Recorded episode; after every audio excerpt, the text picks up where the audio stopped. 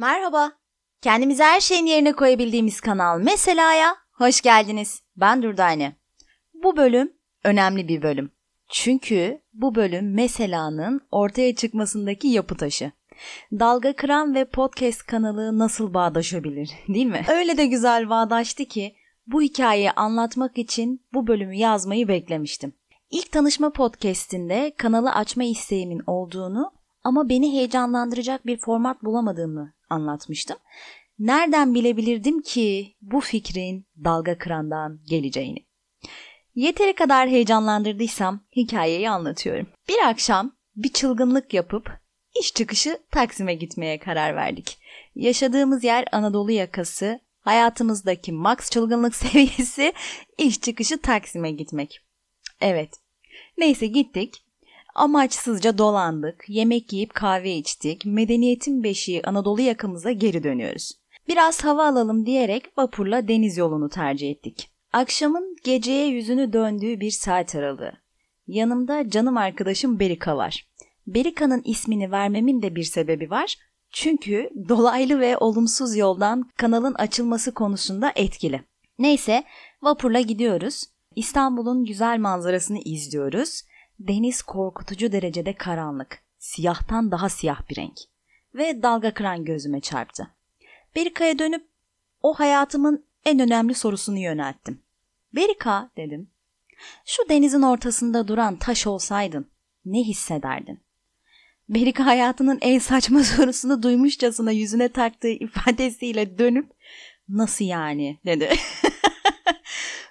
yani dedim Gece oradasın, gündüz oradasın, yağmur yağıyor, güneş açıyor, kuşlar gelip konuyor üzerine ama hep yalnızsın. O taş olsan ne hissederdin? Ya salak salak konuşma dön önüne denizini izle gidelim evimize dedi. Tabi Berika'nın ne söylediği çok da umurumda olmadı. Ben düşünmeye devam ettim. Eve geldim. 3-5 gün daha düşündüm üzerine.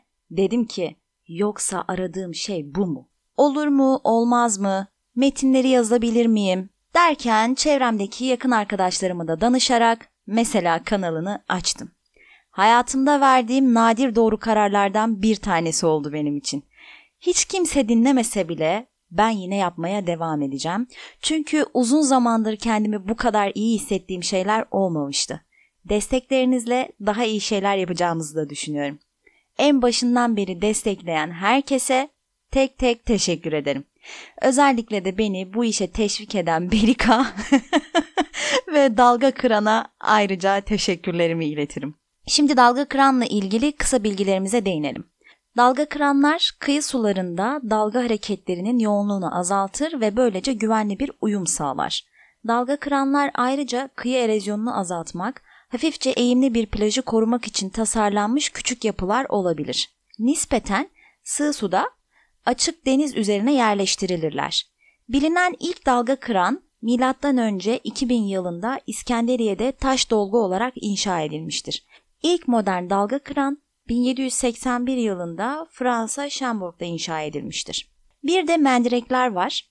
Mendirek ise limanların denizden daha açık dalgalardan koruması amacıyla yapılmış olan dalga kıranlardır. Yani dalga kıranlardan yapılmış limanların bütünlüğü. Kıyıları erozyondan koruyan, gemilerin emniyet kemeri ve en önemlisi bu nadide kanalımızın fikir babası dalga kıran sizlerle.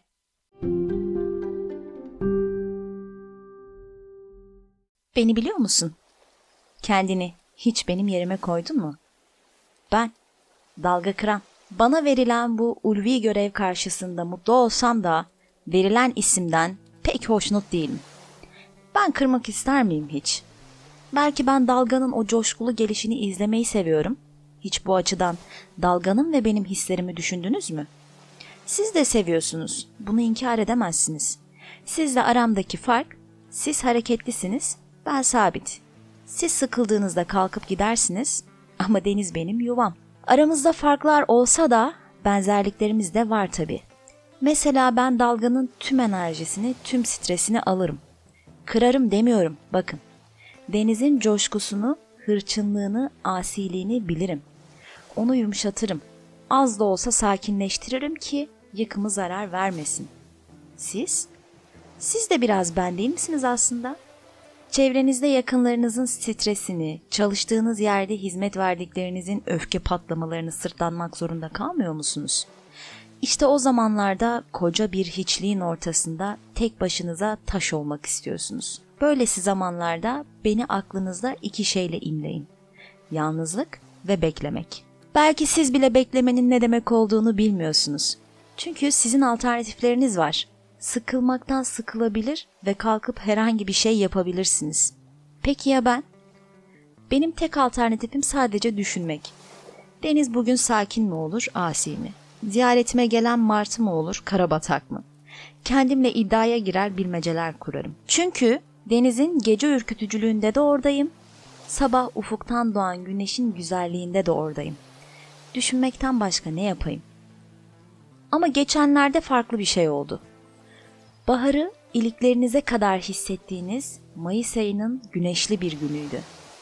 Deniz yorulmuşluğunun verdiği üşengeçlikle sakin, güneş tüm insafıyla ılık, rüzgar bir melodi gibi ahenkli. Her şey en güzel kokularını sürerek uyanmış.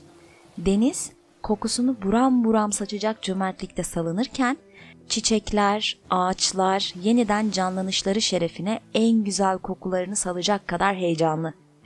Kuşlar, böcekler seslerini duyurmaya hevesli. Yani doğanın uyanışıyla her şey canlı. İnsanlar kışın kasvetinden çıkmış, yüzlerine gülümsemenin rengi gelmiş. Uğultulu seslerin içinde seçilebilen tek şey kahkahalar. Her şey bir bahar ayına yaraşır bir şekilde olması gerektiği gibi. Ben bu detayların içinde kaybolurken bir kara batak usulca kondu üzerime. Bu kara batağı biliyorum. Öncesinde birkaç kez daha durağı olmuştum. Nezaketi, olgunluğu, bilgeliği duruşundan bile belli oluyordu. Bugün standartı bile sıkacak düzlükteki hayatıma biraz hareketlilik getirmek istedim. Ve Karabata, sence yalnızlık nedir? dedim. İlk önce şaşırdı. Bir taşın böyle bir soru sormasını beklemediği birkaç saniyelik sessizliğinden belli oluyordu. Ama vakur duruşunu bozmadan, gözlerini baktığı ufuktan ayırmadan cevapladı. Yalnızlık, uçma isteğinin olmamasıdır. Ama bu senin için geçerli. Ben uçamam ki, dedim. Daha genel bir yalnızlık tanımın yok mu? Gözlerini baktığı yerden ayırmadan konuşmaya devam etti. Uçmak sadece kanatlara özgü müdür? Bu sefer ben de şaşırmıştım.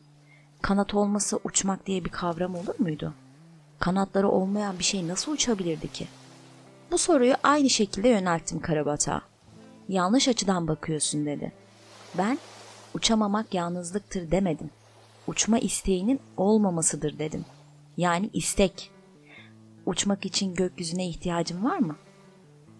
Gökyüzüne çıkamayacaksam, kanatlarım olmayacaksa, olduğum yerde yıllarca çakılı kalacaksam, içimde istek olmasının ne önemi var ki dedim.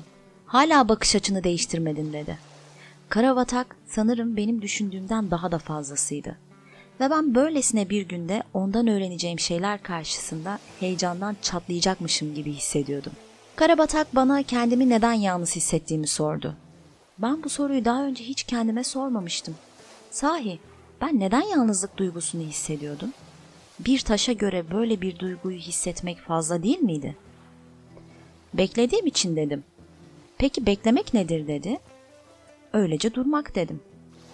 Durman için bir sebep olmalı dedi. Nedir sebebin? Sebepleri de düşünmemiştim. Bunca zaman beklediğimi düşünmüşüm ama belki de beklememişim. Dalganın gelmesi ve onu durdurmak sebebim dedim. Peki kendini denize mi ait hissetmiyorsun dedi.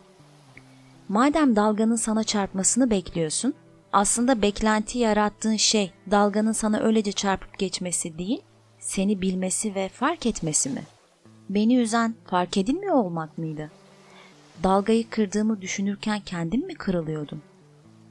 Ben denizi yuvam zannederken kavgam mıydı aslında? Sanırım dedim, unutulmuş olduğumu düşünerek bunca yıl sessiz kalmışlığın yorgunluğu var. Aklımda dönüp duran birçok soru var ama bunları paylaşabildiğim bir şey yok. Bir denizim var, bir gökyüzüm. İleride yeni günleri getiren ufuk, etrafımda kuşlar, yanından geçen vapurlar, insanlar Ama hiçbir şeyim yok aslında. Beni yalnızlığa iten ben miydim yoksa etrafımdakiler mi? Peki ben bunu nasıl aşarım dedim. Sen benim bunca yıllık hayatımda tek arkadaşım oldun. Lütfen bana bir şey söyle. Düşün bakalım. Hangi zamanlarda ne olduğunda yalnız hissediyorsun? Bir sonraki gelişimde bunu konuşalım diyerek uçup gitti. Aklımda yeni sorular ama kendimi iyi hissettiren bir duyguyla kala kalmıştım. En azından beklememe bir sebep bulmuştum. Şimdi yalnızlığıma dair yeni sorular, yeni cevaplar bulacaktım. Ben duyguları incitmekten korkan bir dalga kırandım. Ama kendi kırgınlıklarım mı bu yalnızlığıma sebep? Bir süre bunu düşüneceğim. Siz de beni gördüğünüzde bunu düşünün.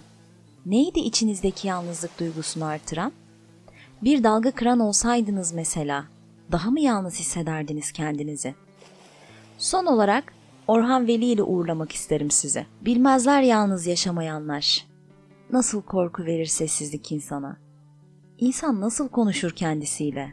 Nasıl koşar aynalara? Bir cana hasret. Bilmezler.''